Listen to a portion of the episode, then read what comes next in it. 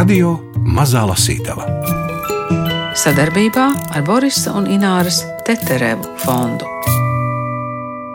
Katrs romāns un katra monogrāfija sērijā Es esmu par latviešu literatūras klasiķiem ir gaidīta un nāk arī ar savu rašanās stāstu. Romānu par Kārli Skalbi bija iecerējis Pauls Bankovskis, bet pēc viņa aiziešanas mūžībā tas tika uzticēts Svenam Kuzminam. Ar Svenu tiekamies pie romāna Skaistums un nemiers, kas vēsta par Skalbas jaunības ideāliem, pirmajiem literārajiem mēģinājumiem, pirmajiem naudas darbiem un sapņiem sapņiem, stāsta Svens Kusmins. Es e, pārmantoju šo kāļu skābes tēlu no Paula Bankovska, jo Pauls izvēlējās pats, ka viņš grib rakstīt par e, Kārli un ka tas ir viņam tuvs tēls. Mums bija ar viņu dažādi veidi sarunas pirms tam pēdējās nedēļās. Un, bet nu, mēs nerunājām tā konkrēti, kas un kā tur būs. Bet Nu, jā, un tad eh, attiecīgi man piezvanīja no izdevniecības un teica, vai tu vēlēsies uzrakstīt par Kārli Skābi. Tas bija negaidīts pagrieziens, jo nē, es ko par to visu zināju. Arī nu, bija jau arī kaut kādas savas literāriskās ieceres, kuras tad vajadzēja nolikt malā, lai ķertos pie šī Nu, jā, bet viss kaut kā sakrita tā, ka nebija jau īsti vairs izvēles. Sajūta bija tāda, ka izvēle jau ir manā vietā izdarīta. Nu, nu tad, nu, ko jāņem un jāraksta? Tā tēlēni varētu izteikties, ka Pauls Bankovskis aizgāja aprunāties ar pašu Kārlu Skalbiem. Vai cik tu jauki pateici? Nu, jā, un tad viņi kaut kā par abiem izlēma nodot man šo stafeti. Varbūt tā vienkārši sāk rakstīt. Nu, tad es vienkārši sāku rakstīt. Jā. Nē, nu, tas nebija vienkārši. Tiem lasītājiem, kas skalbi vispirms saist ar pasakām un dzēju, ar dziļa patriotismu pilnajām mazajām piezīmēm un rakstnieku darbību Latvijas brīvvalsts laikā, iespējams, dzēnieka jaunības laika sakari ar revolūcijas idejām var likties negaidīti.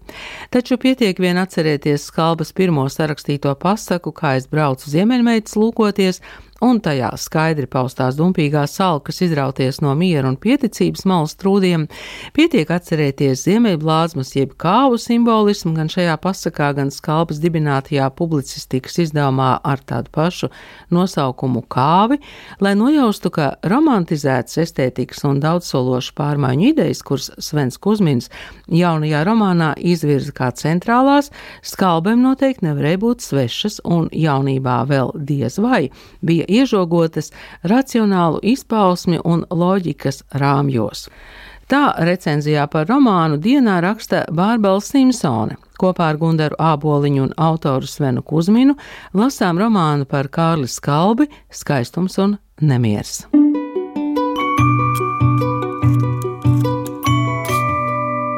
Atsauksmes par manu poēmu bija briesmīgs trieciens. Skolas laika draugi Harijs un Bračs izlasīja dāvinātos eksemplārus un teica, ka nesot nekā sapratuši. Harijs vēl bija kaut cik delikāts un pieļāva, ka varbūt tas tikai viņam. Bračs runāja atklāti: Man šķiet, ka tu esi pārcenties, Kārli. Vajadzēs sākt ar mazākiem gabaliem, nu viss taču tā dara. No Brača tas skanēja divi tik sāpīgi. Es pazinu viņu kopš bērnības. Skolas laikā abi aizgūtnēm lasījām Andreja Punkūra lāčplēsi un sarunājāmies viņa citātos. Uz šī sajūsmas viļņa, dāvinādams Bračam savu literārisko veikumu, pieteica to kā mūsu laiku liro epikas dzīvāko piemēru. Šķita, ka manā varonī, jaunā puišelī, kurš dodas iekarot jūras plašumus ar krastā izskalotu dēli, ir sakoncentrēti visi manas paudzes ideāli. Nē, bet vaina jau nav ideālos, teica Bračs. Vaina ir tajā, ka no taviem vārsmojumiem nekā nevar saprast. Drīz arī Pēters Blauss no sava kancelējas stūra iesaucās: O, skat, ko es atradu! Tas nav par jums! Viņš pienāca un nolika man priekšā avīzi. Pašā atvēruma stūrī sīkiem burtiņiem bija iespiesta rubrika grāmatu galds. Tur kāds anonīms kritiķis rakstīja, Diezin vai dziesminieks pats zina, ko viņš vietām dzied. Esmu kails, bet dedzīgās sirds kā flāga daļa rido un mirdz. Pietiks. es nobālēju. Pār ķermeni pārskrēja karstuma vilnis, gandrīz izgāzu tinti uz blankām. Blauss noslēpa avīzi un atvainojās, ka man to parādījis. Teicu, nekas, bet viņš, kā jau dzēnieks, saprata manas izjūtas. Gribēdams kā palīdzēt, viņš piešķīra man atlikušo dienas daļu brīvu. Es pateicos, uzvilku mēteli un gāju ārā. Pūta riebīgs ziemeļvējš, izstaigāju ērgļu centru, ilgi sēdēju vecajos kapos, tad izmetu loku ap kaķu krogu un, negribēdams ne ar vienu satikties, gāju iešanas pēc. Blaumanis tobrīd dzīvoja Brakos, diezgan lielā no tēva mantotā saimniecībā. Daudz par šo vietu tiku dzirdējis gan no Blauva, gan no paša saimnieka. Pirmais stāstīja, cik braki ir pasakaini, cik skaista ozoli tur zaļo lauka vidū, kādi skati paveras no kalna. Otrais smīkņādams teica, ka šis skaistums pārtiekot no viņa naudas un asinīm. Mani tas izbrīnīja. Blaumanis vienmēr izsmalcināti ģērbās, runāja vāciski kā aristokrāts, sapratās ar mužniekiem, tik labi ar lauku večiem. No tā visa es izspriedu, ka Blaumanis droši vien ir bagāts. Kādu reizi pēc teātra viņam to pateicu, un viņš sāka skaļi smieties. Jūs esat ļoti tālu no patiesības, viņš teica. Manam staļļu puisim šobrīd zābakas tulmā ir vairāk rubļu nekā man bankā. Es būtu gatavs par to sadarēt ja vien pats nebūtu savas pēdējās honorāra atliekas tai zābakā iebāzis. Un tā es gluži neviļus, it kā ar sveša spēka palīdzību aizšķāpoju pa ceļu līdz brakiem. Blaumanis darbojās dārzā un bija izbrīnīts mani redzēt. Durvīs parādījās blaumaņa māte, izlēja krūmā spaini un tikai tad pamanīja, ka dēlam ir vizitors. Viņa noslaucīja rokas priekšautā, un mēs ilgi mainījāmies laipnībām. Vecā Blaumaņa kundze bija ļoti zinātnāra, uzdeva daudz jautājumu, pie katras atbildes mirkšķināja acis un māja ar galvu. Braki atradās uzkalnā, Barona von Tranzē meža malā. Dzīvojamo ēku no visām pusēm aizēnoja seni ozoli un liepas. Ienāca prātā, ka droši vien saimnieks pret kokiem izturas kā pret braku iemītniekiem. Dzīvoja asketiski, toties tīrīgi, Blaumaņa istabā bija vēl vairāk papīru nekā pagastmājas kancelējā. Ne tikai uz tā saucamā rakstām galda, uz diviem krāģiem, uzstutētām durvīm, bet arī uz katras brīvās virsmas mētājās kaudžu kaudzes zīlu platām rokraksta cilpām izrakstītu lapu. Pie sienas ierāmēta Beklīna mirušo salas kopija, uz durvju vaģa smalks samta katliņš un spieķis. Blaumans nocēla no krēsliem mapes un atbrīvoja galda stūri, pārceldams vienu papīru grēdu uz grīdas. Zils papīrs ir labāks acīm, viņš paskaidroja un tas skanēja nevis kā garām ejoša atziņa vai ieteikums, bet kā kategorisks apgalvojums. To izteikdams viņš pieliec galvu tik zīmīgi, ka man par atbildi izlauzās tikai klusiņš: Jā. Mēs apspriedām avīzes, Blaumans teica, ka esot svētki. Viens svarīgs kantoris, laikam iekšlietu ministrija, ar savu rīkojumu ļāvis atsākt laikraksta dienas lapa darbību. Blaumani tas ārkārtīgi iepriecināja. Kas to būtu domājis, viņš sprieda. Kamēr tas papīrs iznāca, man viņš kapā nebija vajadzīgs. Likās, ka zem vienlīdzības un emancipācijas lozungiem slēpjas viens vienīgs cinisms. Bet, lūk, tiklīdz sākās aresti un avīze aizklapēja, es uzreiz sajūtos tā, it kā man mute būtu aizbāzta ar lupatām. Nekādi nevarēja uzsākt sarunu, kuras dēļ bija ieradies. Domāju, bet ja nu Blaumanis manu grāmatiņu nemaz nav lasījis, Varbūt viņu neinteresē jaunu amatieru daļrade, varbūt viņam ir iebies lasīt no baltām lapām. Biju gatavs mest pie malas šo sarunu, varbūt pat rakstniecību kā tādu, bet tad pieklauvēja kalpone un ienestēju. Blaumans pateicās, piegāja pie toaletes galdiņa un ielēja bļodā svaigu ūdeni. Nu bija jāmazgā rokas. Blaumanim nepatika, kā es to daru. Ne tā, viņš teica, skatieties.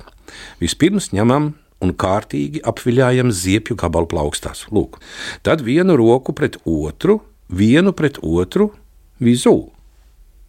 Un tad pirms slaucīt dvielītī nopurinām. Redziet, Vizu ir vācu valodā lūk šādi. Viņš parādīja, kā pareizi nopurināt rokas virs bļodas. Pēc tam bija jāpurina man. Es arī nopurināju.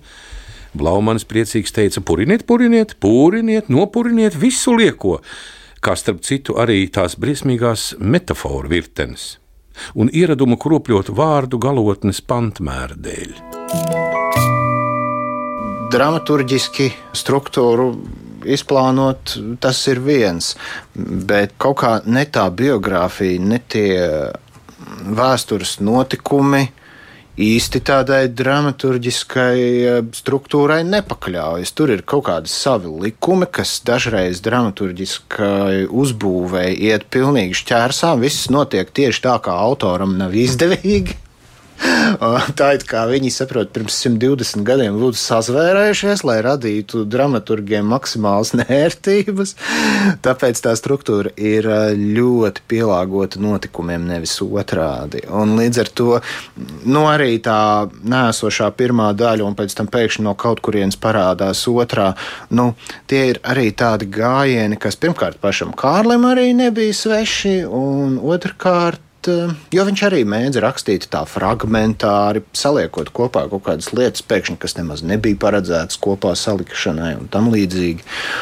Kaut kādā ziņā tā nestandarta struktūra arī iezīmē situāciju, bet man bija doma, ka nu, kā tie notikumi izsit cilvēku no ierindas. Tāpat man gribējās arī, nu, lai tā uzbūve mazliet izsit cilvēku no ierindas. Tu domā, ka tev ir kaut kāda viena romāna struktūra, un pēkšņi kaut kas notiek, un tev vienkārši izrauj pamatu no kājas apakšas. Cita, ja? Jā, un, un tu domā, pagaidi, bet tā taču nevar. Nu, jā, nevar, bet tā tas ir.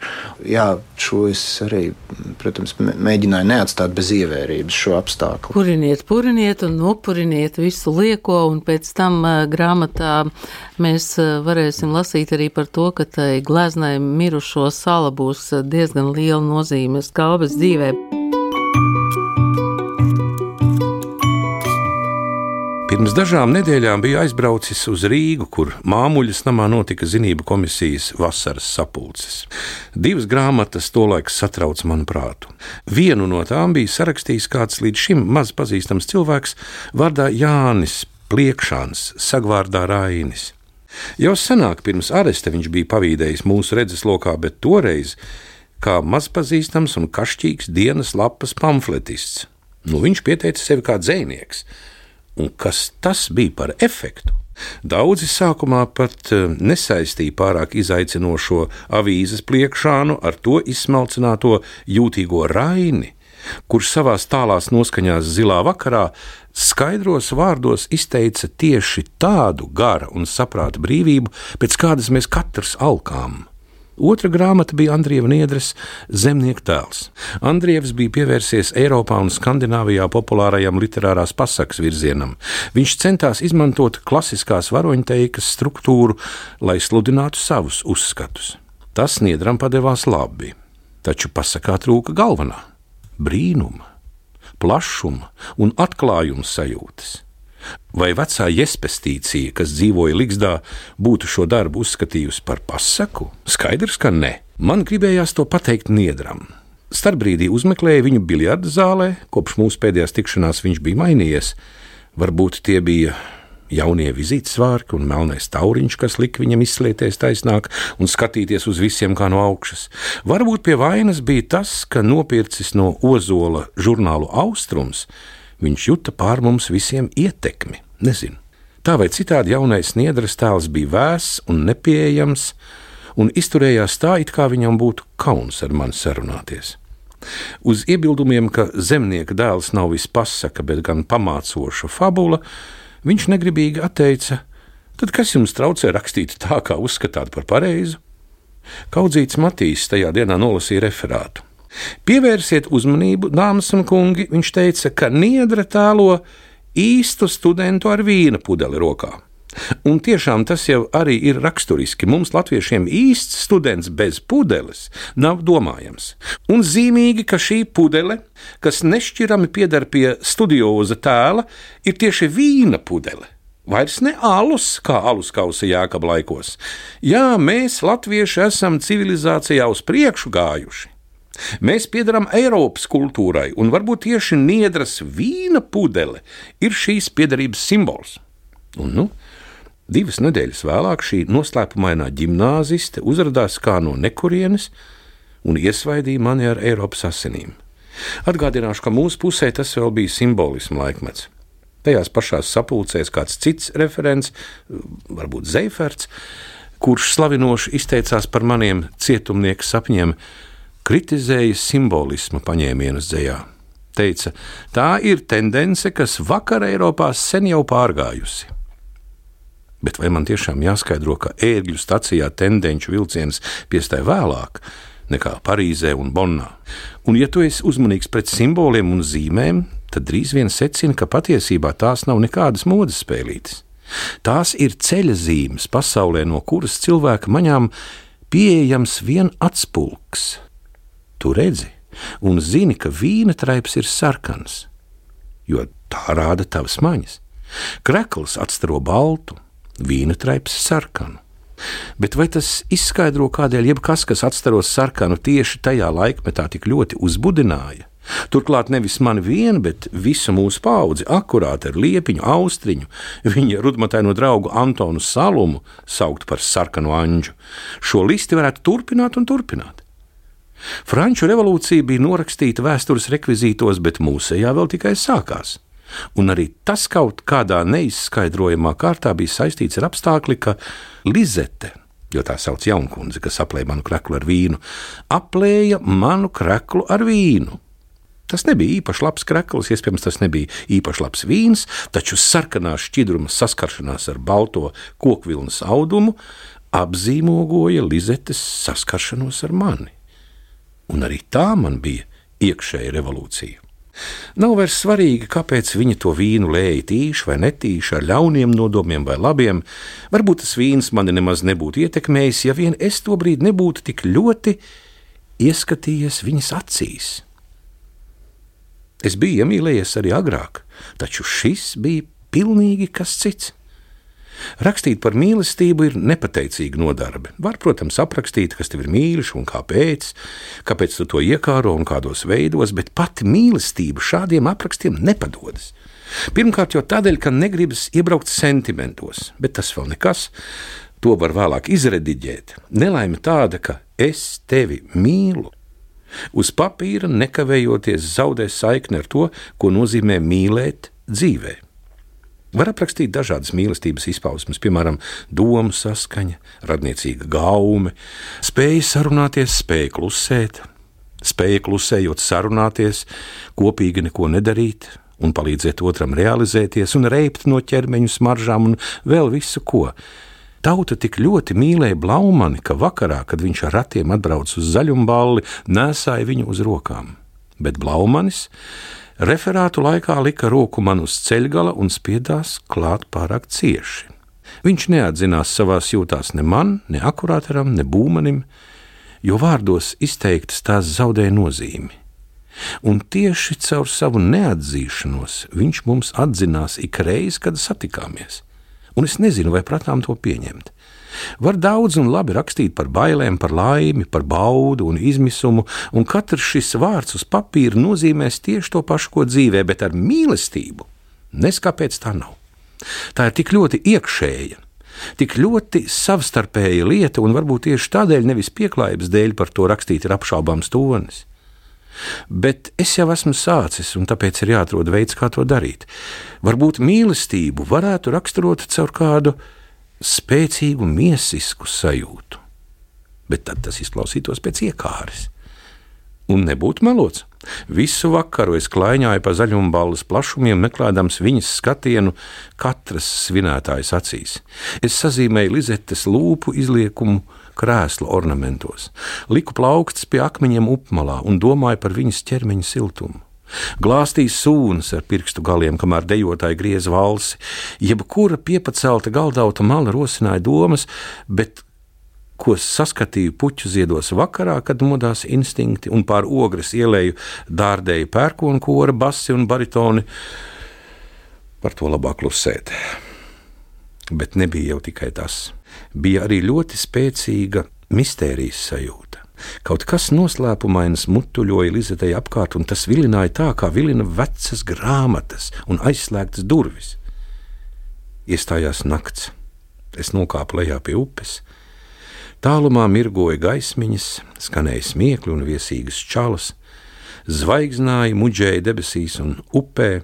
Es uzrotīju svārku piedurkni, atpogāju manšeti un iebāzu roku mitrajā siltajā upmalas zemē.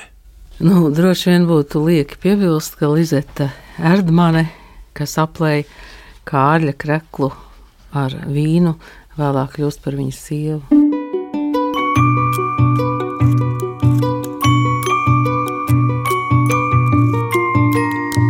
Radio Mazā Lasītava ja skatāmies pēc vēsturiskiem notikumiem, kas izrauja to pamatu no kāja pakšas, tie ir kari, revolūcijas. Nu, jā, kas tik. Es vispār gribēju sākumā tikai vienu gadu. Es gribēju tikai 1905. gadu. Un patiesībā viss sākās no Kārļa Kalbas izdotā un rediģētā žurnāla Kāvi.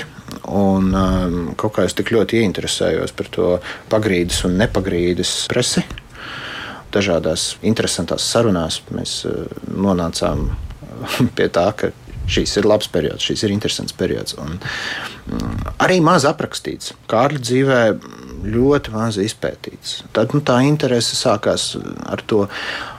Nu, un tad, protams, sanāca, ka nu, jā, nevar bez priekšvēstures šim notikumam, bet priekšvēsturē ir sava priekšvēsture, un visam ir kaut kādi savi cēloņi. Tā nu es centos maksimāli, maksimāli ierobežot. Sanāca desmit gadi viena vietā. Es sāku pētīt ar beigām, bet rakstīt es sāku ar sākumu. Tu teici sarunas, sarunas ar ko tad tev bija? Galvenā pati pirmā saruna man bija ar Gunu Zelmeni ar slaveno Rīgas bukinisti no grāmatu antikvariāta Gunas grāmatas. Mēs tur sēdējām starp vecām grāmatām un skatījāmies tos žurnālus. Un, tas bija tas viens no pirmajiem atspērienu punktiem, kad es sapratu, jā, nu, vajag veltīt uzmanību tiem agrajiem gadiem. Tad tas sākums ir, kad Kārlis Skalbe vēl nav ne dzinieks, ne rakstnieks, ne pasaku tēvs, bet viņš ir viens parasts jauns cilvēks, kurš mēģina rakstīt, mēģina piedāvāt savus darbus publikai nolasot vienkārši vai aizsūtot uz kādu avīzi. Un mēģina pelnīt naudu vispirms mēģinot pārdot grāmatas, un, un tad par skrīveri. Nu, Tā varētu raksturot to Kārli sākumā. Ja? Nu, tie ir tie jā, pirmie soļi, pabeidzot skolu. Kādā Rīgas nakts lokālā man izstāstīja joku. Nonāk Latvijas uz neapdzīvotas salas un uzceļ divus biedrības namus. Vienu, uz kuru viņš iet, otru, uz kuru neiet. Nu, tas gan, man liekas, ir angļu joks par tiem klubiem. Bet nu, par biedrībām varētu būt latviešiem. Jā. jā, tas ir latviešiem. Tieši tā bija noticis. Jaunstrāvnieki un sociālisti, kas nicināja Rīgas latviešu biedrību, bija nodēvējuši amatnieku namu Romāna vielā 25, tagad Latvijas iela 25, par Rīgas latviešu sabiedrību. Teātri, kas tajā darbojās, par jauno latviešu teātri. Man šķiet, ka tas nebija jaunais, jaunais Rīgas, Rīgas teātris. Jā, jau toreiz, jā. Nu labi, to lai kritiķi lemj. Tajā vakarā notika Aspazijas lūgas pirmizrāde. Pie parādes durvīm nebija iespējams piebraukt. Drošku rindas aizņēma abas Romanova ielas puses. Rīgā vakar vēl bija silti, bet augusta vējš jau izplatīja ielās rūktenu vītumu smaržu. Liku furmanim piestātais stūra, izkāpa no droškas pirmais un padeva Lizetē roku, un lūkoja, lai viņas zābaciņa papēdis neiestrēgtu notekas režģī. Viņa sakārtoja pie platmalas piespraustos ziedus un mīļi pateicās. Tas, diemžēl, nozīmēja, ka rokas turēšana uz nenoteiktu laiku beigusies. Es atglaudu matus no pieres un teicu, grūti tomēr noticēt, ka nereizi nesat šeit bijusi uz izrādi. Tiešām nevienu pašu. Kā tā? Nesimpatizē repertuārs. Nevar jau dabūt biļetes. Visas acu mirklī izpērk. Nav nekā jauna šajā pasaulē. Gimnāzijai vai tad nepienākas? Nu, kādu pārīti jau mēnesī atsūta, bet pie mums viņas izlozē, un man kaut kā nepārāk iet ar fortūnu. Un atšķirībā no jums, es neesmu draugos ar literāriskām aprindām. Nu, turpmāk jums būs visas iespējas. Es izspēru un tūlīt pats sabijos, vai nesmu pāršāvis par strīpu. Lizetes smīnu es tad vēl nepratu lasīt. Vestibilā pie garderobas pulcējās publika vizītsvārkos un vakarkleitās. Karmīna sārti paklāji bija piespiesti pie pakāpieniem ar spodriem varas tieņiem, Pie sienām karājās milzu spoguļi ozolkoka rāmjos, un jau uz brīdi aizmirstu, ka publika čalo latviešu valodā, rastos iespējas, ka atrodamies kādā no Eiropas lielajiem operas namiem. Ančs ar akurāteru jau sēdēja augšā pie bufetes, ieraudzījuši mūs, viņi nolieca no soliem un sāka klanīties. Bet, kungi, es teicu, jūs taču jau esat burās. Un kas par to? Austriņš nodārdināja savā fantastiskajā basā. Divas kārklu vācietes pie blakus galdiņa uzmetā kurāteram īpaši glūnīgus mirkļus. Viena skatījās caur lorneti, akurāters izņēma no glāzes ķirsi, iemeta mutē un, vērdamies izbrīnītajām madāmām tieši acīs, pārkoda tā, ka nožļarkstēja. Šie divi necivilizētie pagāni, kā redzat, ir mani draugi, es sacīju. Austriņš atbildēja: Man zvērīgi liels prieks iepazīties. Lizete pasniedza Anģam roku, viņš paņēma to savā milzīgajā ķetnā, noliecās un skūpsta vietā pielika pieri pie Lizetes dāvnas. Kaut visiem šajā pilsētā būtu tik pagāniskas manieres. Lizete pasmējās, un akurāters tūlīt steidza klāt, lai atkārtotu Anģa žestu. Svinat? Es teicu uz Anģu, kurš uzrausies atpakaļ solā, izskatījās garāks nekā parasti. Sērojam, brālīt, jaunadēļ jābrauc atpakaļ uz Pēterpili. Nu, kam uz Pēterpili, kam uz Maskavu? Akurāters piebilda. Graust, kā saka viens mans profesors, cieto zinību granītu. Ak, tā, Līzēt ievaicājās, kur tad šarmantie pagāni studē? Abi tūlīt ņēmās stāstīt katrs par savām izglītības gaitām. Jūtu, ka nebūs labi. Tūlīt draugi nekā ļauna negribēdami sāks bakstīt, lai atzīstos, kādēļ vienīgais joprojām neesmu varējis iestāties studentu rindās. Un kā gan citādi jautājums nāca nevis no viena, bet no abiem reizē. Un, un, un, un, kā, un, kāpēc, un kāpēc tu? Un kāpēc tu nekur? Jā, Kārli, kāpēc tu? Piedod, Anģis, tev pārtrauc. Nekas, nekas, es jau to pašu gribēju prasīt. Tas taču katram bērnam zināms sacīja, cik nevērīgs pēdams es mērķēju uz Parīzi. Uz Parīzi? Nekad nebūtu jūs noturējis par frankofonu tipu, un arī nevienā vēstulē jūs man to neminējāt. Maņticīgs!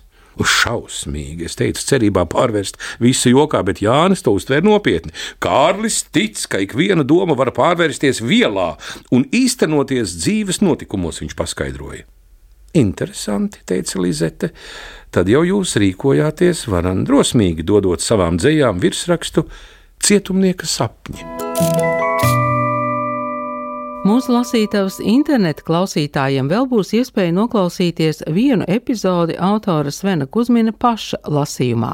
Romānu Skaistums un nemieris romānu un monogrāfiju sērijā Es esmu izdevusi dienas grāmata.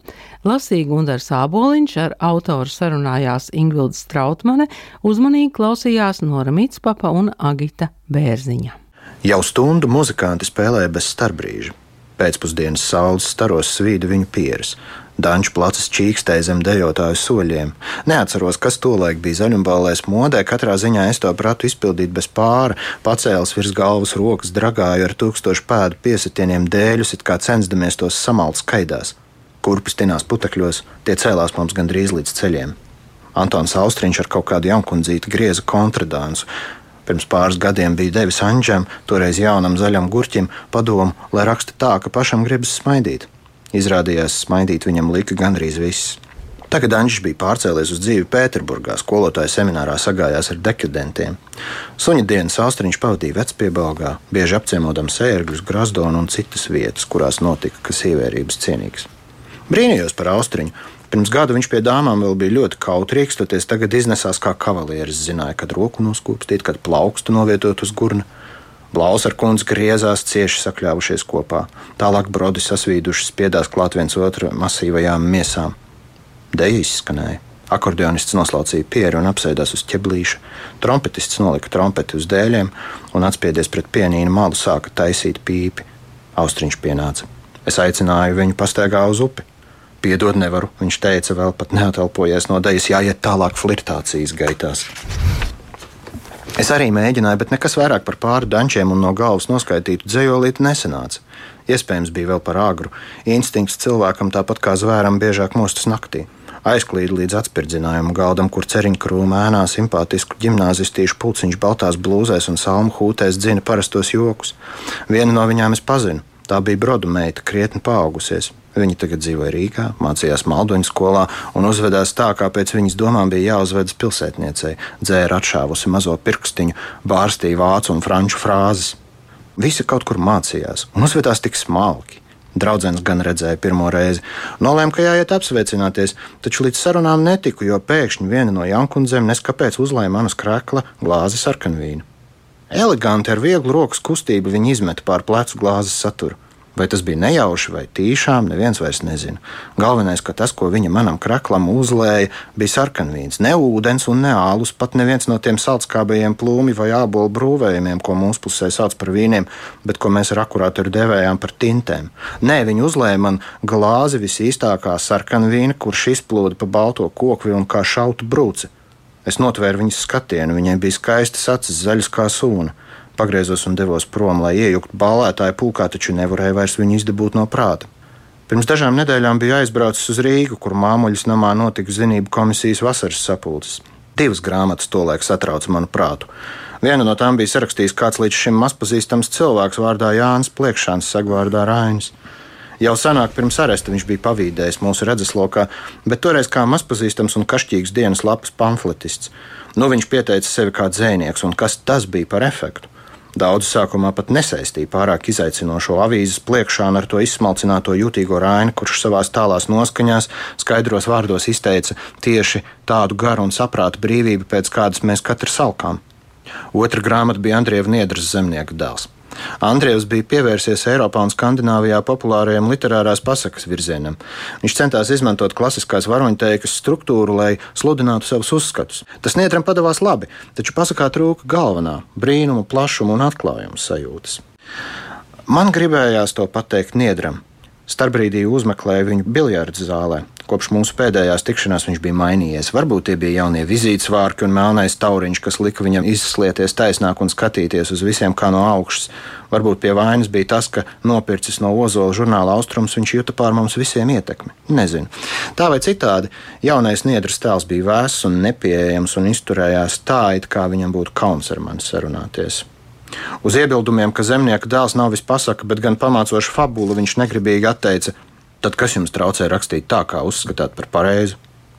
Kaudzīts Macīs tajā dienā nolasīja referātu. Pievērsiet uzmanību, dāmas un kungi, viņš teica, ka Niedra tēlo īstu studentu ar vīna pudeli rokā, Un tiešām tas jau arī ir raksturiski. Mums, latviešiem, īsts students bez pudeles nav domājams un zīmīgi, ka šī pudele, kas nešķirami pieder pie studioza tēla, ir tieši vīna pudele un vairs ne ālus kā ālus kausi jēkaba laikos.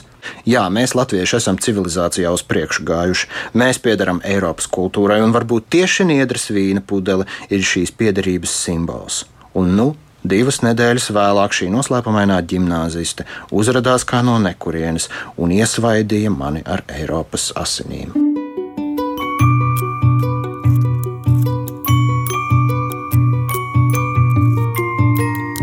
Radio Mazā Lasītava sadarbībā ar Borisa un Ināras Teterevu fondu.